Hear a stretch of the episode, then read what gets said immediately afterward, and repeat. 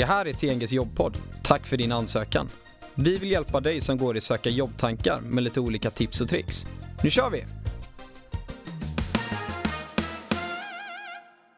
I dagens avsnitt ska vi prata om referenser. Men först så ska vi lyssna på det här.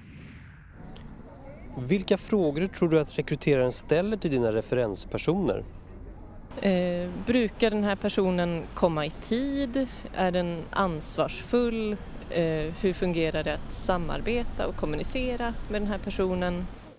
Uh, ja men det är väl lite grundläggande frågor om hur personen liksom beter sig, om den uh, brukar komma i tid, om den brukar vara produktiv eller om den är trevlig. Uh, jag tror de frågar om hur man har skött sig på jobbet och vad man har gjort för någonting och ja, hur personen är att ha som anställd. Oj, det var en svår fråga men eh, hur personen uppfattas, eh, om de kan samarbeta bra, eh, om de berömmer eller om de klagar, om de personerna verkligen har gått utbildningar som, som de skriver att de har gjort. Lite så. Ja, hur personen fungerar, alltså fungerade både arbetsmässigt och kanske som privat som person. Om det är någon som är lätt att samarbeta med eller om, om det var några allvarliga avvikelser under arbetstiden. Eh, och lite generellt. Och sen om det är specifik bransch så ställer man mer specifika frågor kanske. Det här vill jag ha reda på. Vad kul ämne att prata om. Idag har jag med mig Rebecka och Maria som jobbar båda som rekryterare på TNG. Välkomna! Tack. Tack. Spännande här, men är det verkligen de här frågorna ni ställer när ni ringer referenser? Vi kan börja med dig Maria. Absolut, vissa av de här eh, frågorna ställer vi men att vi gör det på ett strukturerat sätt och vi kommer gå in lite närmare på vilken typ av frågor men visst är de här med i frågebatteriet. Mm. Jo men det skulle jag säga och eh, kul att höra att, att den bilden man har som jobbsökande det stämmer ganska väl in på det, de typer mm. av frågor som vi ställer i referenstagningen. Eh, samarbete tror jag nästan alla checkade mm. av. Eh, och det är en väldigt vanlig fråga från våra kunder, alltså ar arbetsgivare, arbetsplatser när man ska jobba. Det är en sån sak som kan vara svårt att stämma av i intervjusituation. Man kan inte se det via tester kanske helt igenom, till viss del, men inte helt igenom. Och framförallt inte på ett CV, utan det är ju dialog med andra människor och det kan man ju se i tidigare arbetssituation. Eller grupparbete från skolan, hur man fungerar med andra människor. Och även kunskapsmässigt, vilken mm. nivå man ligger på, hur mycket man kan om ett visst ämne. Om det är till exempel en ekonom så är det bra att veta hur mycket har man gjort inom ekonomi, bokföring, redovisning. Att få kvalitetssäkrat vad personen har gjort och vad den kan. Mm. Men eh, Maria, vad är syftet egentligen med referenser? Jag brukar säga att, eh, att det är som att lägga ett pussel. När du har träffat en person, du har intervju, du har testresultat och referenstagningen är då ett, en del i det hela för att få en, en klar bild av hur den här personen är. Mm. Så alla delar är lika viktiga, varav referenstagningen också är en viktig parameter. Mm. Det handlar ju mycket om att se helheten, precis som du pratar om pussel, jag brukar mm. prata om en röd tråd, mm. att man vill se att personens eh, intryck stämmer igenom alla olika delar i processen, att man fått rätt grepp om personen. Mm. Och här kommer ju perspektivet utifrån. Mm. Eh, normalt sett en person som har jobbat tillsammans med eh, den arbetssökande, alltså vår kandidat i det här fallet. Så man kan se det som en ytterligare kvalitetssäkring av eh, kandidaten, är mm. referenstagningen. Ja. Intressant, men om man kollar till de personerna som man själv har på sitt CV eller som man har hört i alla fall mm. är de man skriver ner så är det ju personer som ja, men inte skulle ge en de sämsta rekommendationerna i jobbsökning. Hur, hur liksom kraftfullt är det med referenser egentligen Rebecka? Jo men det är det som är intressant med referenser, att man har valt de personerna själv som arbetssökande, vem det är som ska svara på frågor om hur jag har varit i arbetslivet. Um, och det ställer väldigt stora krav på oss som rekryterare att göra strukturerade referenser. Mm. Um, att även vara lite tuffa med referenspersonerna, skrapa lite och se mm. vad som finns under ytan. Men sen får man också tänka på att referenser för oss handlar inte om att hitta fel på personen, utan vi vill bekräfta en bild och stämma av praktiska saker som eh, var exemplen här från på stan. Mm. Eh, att kommer man i tid, jag tänker cheferna, kollegor, de som ställer upp som referenspersoner, de har ju ett personligt varumärke att tänka på. Och hur mycket man tycker om en person, man kan ha haft en fantastisk kollega som oftast är mån att svara ärligt mm. på den här typen av frågor, om den är direkt ställd. Mm. Och jag kan uppleva så också, om en referens är alltför positiv och det finns inga egenskaper mm. eller förbättringsmöjligheter, så är det ju så att den referensen känns ju inte riktigt säker. Man Nej. blir ju tveksam för det är ju så att vi alla har ju förbättringsområden. Mm. Man kan mm. ju inte kunna vara bra på allting. Och då kan man ju då utav kandidaten begära ytterligare referenser för man känner att den här får jag inte ut tillräckligt mycket av. Eller vad säger du Rebecka? Ja men precis, bilden mm. blir onyanserad. Ja, ja. Mm. Att vi, vi vill ju få en, en, en helhet i, som vi pratar om det här pusslet eller mm, röda mm, tråden. Ja. Man vill få en, en helhet i hur personen fungerar i arbetet. Mm. Mm. Och om det bara är positiva omdömen och man inte kan hitta någonting negativt, då, då är det svårt att ta den informationen på allvar också.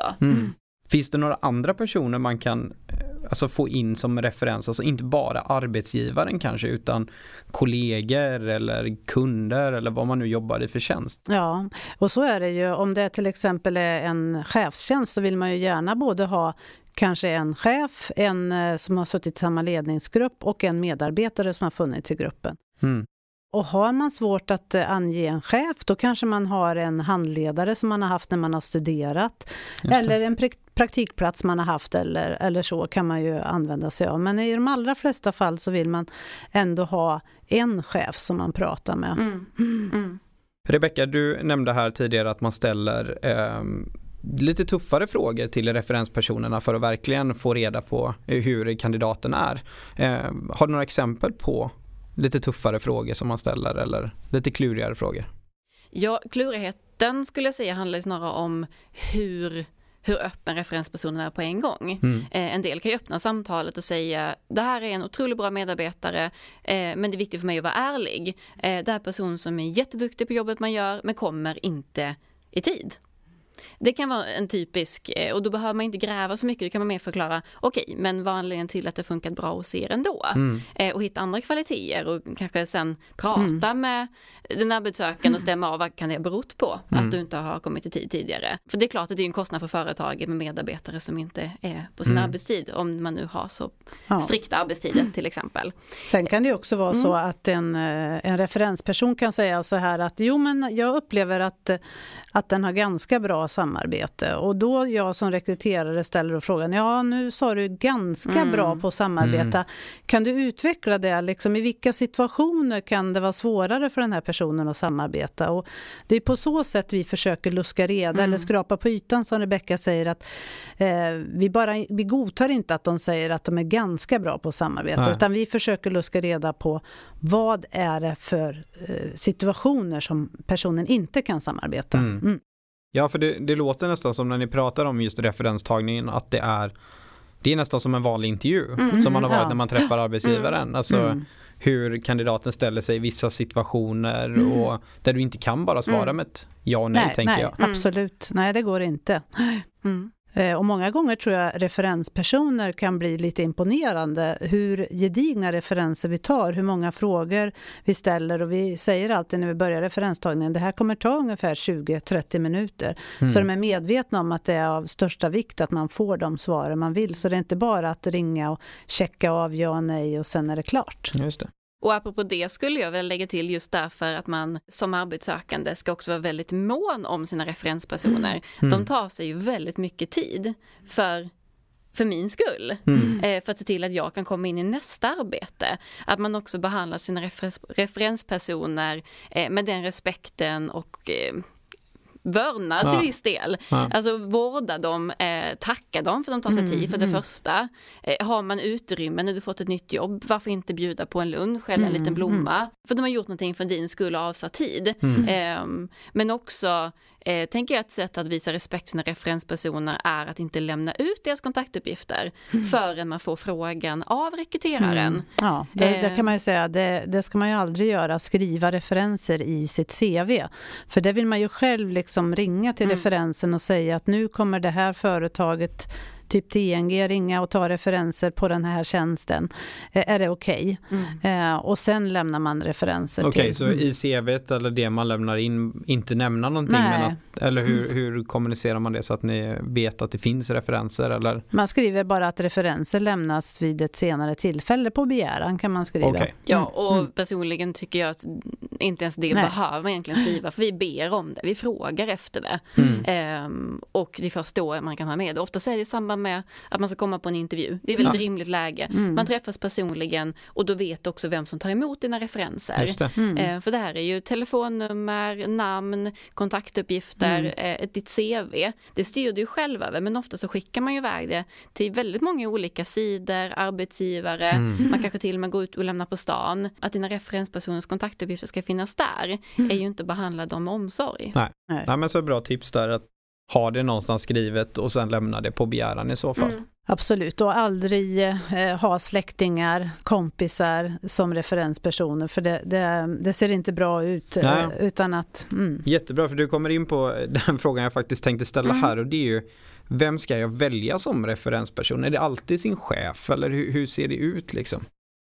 Ja, det är ju alltid bra om man kan ha med en tidigare chef. Mm. För den har ju eh, kanske möjlighet att se dig i jämförelse med andra och hur du har utfört ditt arbete och kan vara objektiv i sin bedömning. Eh, man kan använda kanske som jag nämnde handledare eller ja, tränare. Om man inte har haft någon chef på något arbete så är det ju svårare. Så då skulle jag nog vända mig till de som har undervisat mig kanske. Mm. Jag har en annan fråga när det gäller referenser och att eh, ja, förbereda sina referenser. Är det någonting alltså att man ringer innan man lämnar ut dem som referens och säger att jag söker det här jobbet och de kommer ringa dig och fråga om de här sakerna troligtvis. Alltså, är det någonting ni rekommenderar att man gör eller?